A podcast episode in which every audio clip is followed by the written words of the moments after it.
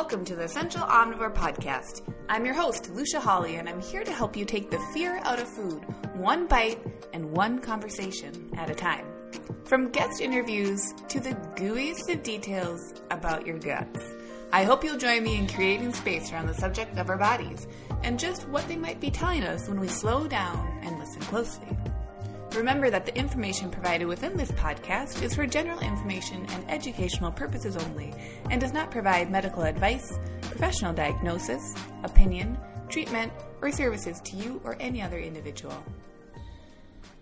Hey everyone, welcome to another episode of the Essential Omnivore podcast. I'm really, really happy you're here and I'm excited to talk about today's subject. It just came to me and I was like, okay, I gotta sit down and I gotta talk about this because even though the subject just came to me, I guess actually I've been thinking about this idea for the last week for sure, but for the last year, most definitely. So today, let's chat about inputs, okay? Because when I have clients coming to me in like private sessions, what we work on are really like what are your health and wellness outputs in a lot of ways, right? Like basically meaning what are your goals? What are you working towards? What are you trying to create within yourself to then have within your world? That's how I conceptualize an output, okay? The inputs are also factors that we work on. So we work on nutrition. What's a balanced nutritional approach that gets you towards that goal? Does that approach align with your core values? Can you show up to that approach daily? Can you build habits that help you create the most abundant version of that approach? And can you do it while it's feeling good? Because if any of those aren't working out, then uh, I have a hard time believing that that is an authentic version of your wellness, right? So we talk about input from the nutrition aspect, from taking care of yourself beyond just food. So, what is sleep looking like? What is hydration looking like? What are your relationships looking like? How is work? Are you stressed out?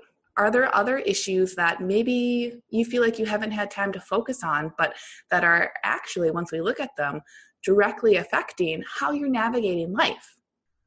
Because if we can't look at all of those factors, then at the end of the day, the nutrition stuff we talk about is only going to take you so far.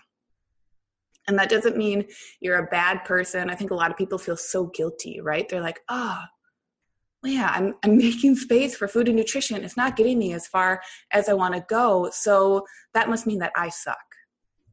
Okay, you don't suck.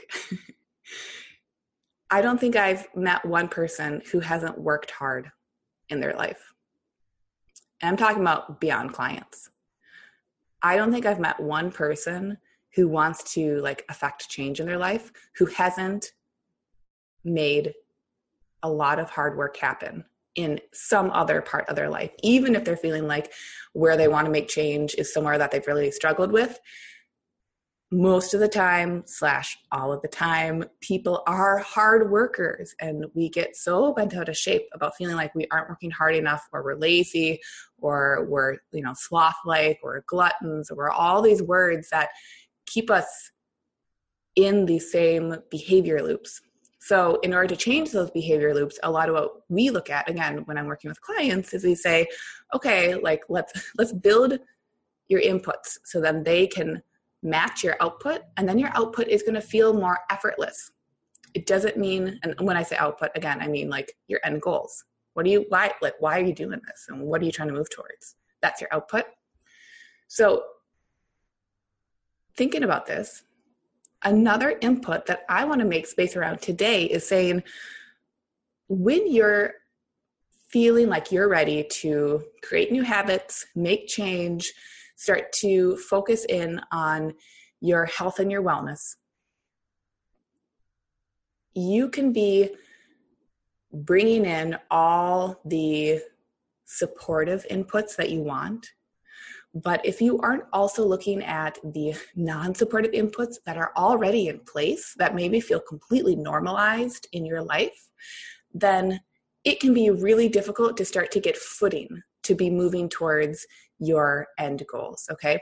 And so today, what I mean by that is I want us to focus on our social inputs. And with the social inputs, a lot of the times we start to make changes. And then we see someone doing something else and we go, squirrel. And we look at it, and then all of a sudden that's our focus, and we forget our focus. Why do we do this? Because we have creative, big ass brains. and our creative brains always want to be thinking a few steps ahead.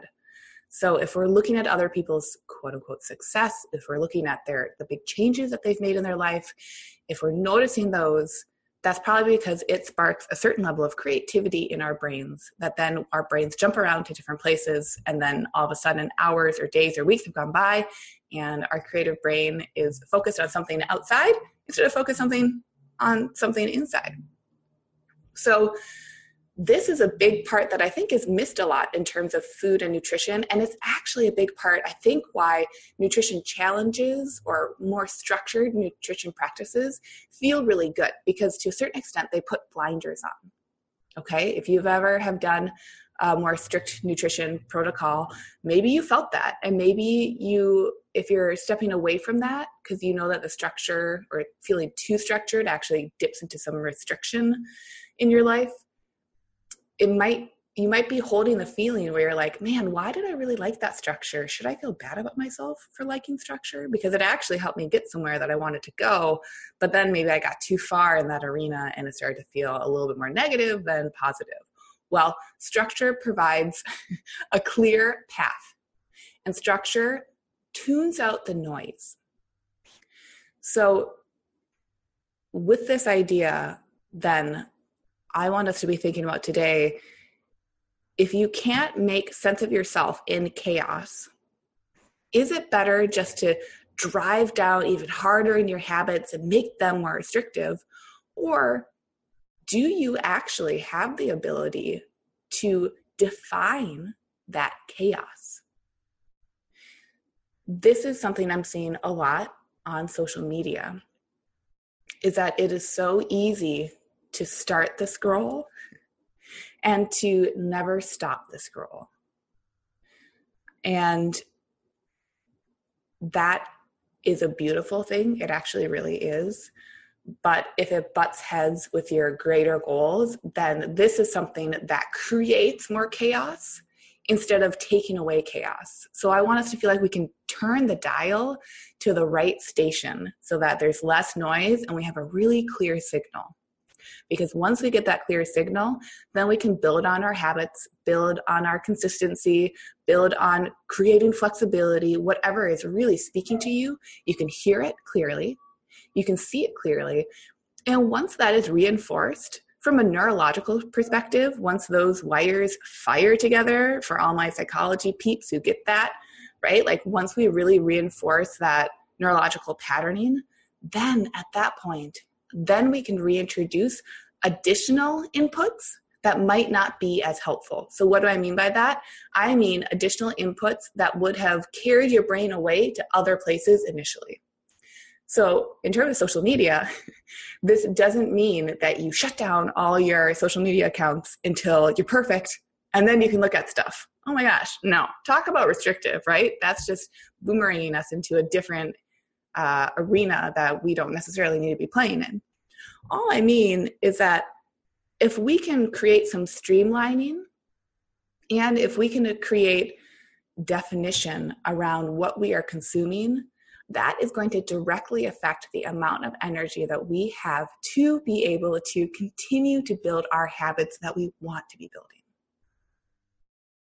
So, this really is going to be kind of a shorter episode because I want you to practice this. I want this to be tangible. I want you to think about, let's say on Instagram, I think most of us have Instagram accounts. If not, Facebook. If not, think about your email marketing. So, what is coming into your inbox? Basically, what connections did you choose? Or which ones kind of raised their hands at you and you said, okay, yeah, you can have my attention? Wherever those are, Today, I want you to think about five to 10 of those connections that perhaps served you in the past, but might not be serving you now in the future or now and or in the future think of 5 to 10 of those and either unfollow mute or step away from them right now. Hide them do any of the weird features that our social media has to keep them out of your sight. When people get to this point and they streamline the information that they're consuming um, from a social perspective, I think that is actually very fascinating because I think people, I know I have felt guilt around that, where I feel like, why am I not strong enough to be able to consume all inputs, all this information? Why does it affect me in these certain ways? And why do I have to create structure around it right now? Because that can feel like it doesn't align with my core values right? My for me personally my some of my core values include the idea of being able to hold space for anyone else's experiences. So those mean experiences that could be potentially triggering for me or could be experiences that align too closely or not closely enough or really butt heads with what i deeply believe in. One of my core values is saying i can still look at that recognize that and hold space for it but here's the thing if that core value speaks to you too, and you're like, yeah, I kind of I align with that, that makes sense. It is very hard to hold space for other people and their experiences or what they are showing, especially on social media, if your cup is empty. If your oxygen mask isn't on first.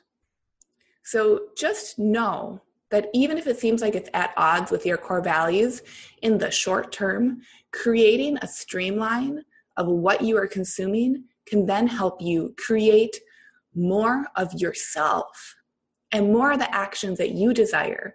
So that once you build those actions, once they are repeated, once they feel like they're more of your norm, then I swear at that point, you are going to feel in a position where you can recognize that many more basically different types of experiences and different inputs. Okay? So I hope that makes sense. I'm not using specific examples because this stuff is so broad for anyone. It's really going to change. I mean, even for me, like the social inputs that I feel like I need to bring awareness to these days is completely different than a year ago. And a year ago was pretty different than six months ago. So it's an ongoing evolution and process. But if you find yourself getting stuck in a loop, if you're thinking about someone else's social media feed, if you're thinking about a certain newsletter that you get in your inbox a lot, if you're thinking about those and those aren't directly supporting you in your action towards being more of yourself, please bring a curious eye to that and maybe ask yourself is this noise? Is this chaos that my body is clinging to because it's creating more stress in my life or it's creating more negative motivation? Once you can recognize that then it then brings about the question do i want that? And you have every right to say no. And you have every right to say no i don't want that and i 100% respect that content as well and I know that I can go back to that content at any point in the future. And I know that by not consuming that content, I am not denying the validity of that content. Okay? So think about it. Think about your Instagram, think about your Twitter, your Facebook, your LinkedIn, your different email newsletters that you're on, whether they're for like retailers or influencers or um, services or anything. It can really be anything to any degree. Anything can create anything can create chaos, and we get to define what is chaotic for us in the moment. We have every right to do that. Okay, so homework for this week. I hope you don't mind that I uh, put homework on this podcast. I kind of love it. It feels very tangible. Homework for this week is assessing who are the five to 10 accounts that I can unfollow, block, maybe not block, but block if that feels good for you. Unfollow, block, mute, or hide. What are those? Give yourself this exercise will take three minutes tops. Give yourself three minutes to do it. and see what happens. See what happens to your goals in the next week. Do you feel like you have more space? Do you feel like you have more authority to make choices? That alone is something that isn't really spoken about in social media. I think from like a individual side of things, all of this stuff is a choice. It's a choice to have different social media accounts. It's a choice to follow different people. Whether that person is like your best friend or that person is an influencer that you would love to meet one day whether that is a brand that you really respect or whether that's a brand that you drag in the DMs to your friends. All of this stuff is a choice. So when you're working on creating the output of moving towards a wellness goal of your own that you've defined, I think it's really, really smart and helpful to say, I am making a choice in what I'm consuming. If that choice feels chaotic, then I have to recognize that that is going to blur my ability to continue towards the goal that I say I desire. Okay? So if there's misalignment, you can realign. All right, that's it for today. Do the homework. Let me know how it goes. If you're listening to this and you follow me online, drop me a DM. Drop me an email, lucia at essentialomnivore.com. Instagram, my handle essentialomnivore.com. If I'm triggering for you, you can unsubscribe from the podcast. You can get off of my newsletter. You can unfollow me on Instagram or wherever I am. I support you with that, okay? Just so you know. If this stuff is really helpful and you want to align more, you can also reach out because I'd love to chat too. And these are some of the subjects that I talk about in the self guided course that I released last month appetite autonomy, right? This whole like however long I've been talking, 15 minutes, these whole 15 minutes, it comes back to the idea of feeling more independent, feeling like you're making informed choices, and that that independence and those informed choices create your own autonomy. And that autonomy cannot be prescribed to you. It has to be experienced, right? It has to be the thing that you grow yourself. So if you're really jiving with this, let me know because this is a subject that I create more and more resources around because I think it is that much more empowering. It's less about saying, do this, do that. And it's about saying, try this, try that. Notice how they feel.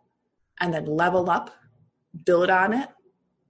And you got this. Because the only reason we're making any of these choices, ideally, in my opinion, is to create more happiness and people's definitions of happiness will vary because everyone is different.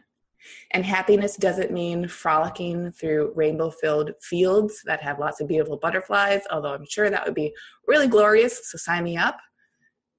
Happiness means whatever you want to be experiencing for the most part in your life.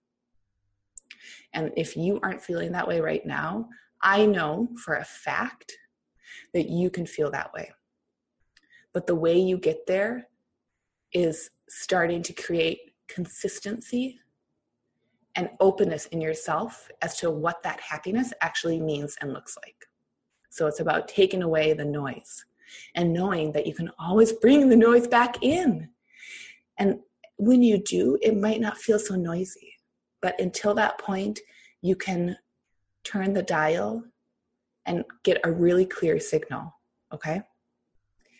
So thanks for listening. I'll catch you on the next episode. It'll likely be an interview, and I have some really, really cool people in the funnel, in the tunnel. I have some really cool people lined up that I cannot wait for you to hear their stories about wellness. Hey, thanks so much for joining along on today's episode. For full archives of past episodes, hop on over to essentialomnivore.com or subscribe to the Essential Omnivore podcast on Apple Podcasts or Stitcher.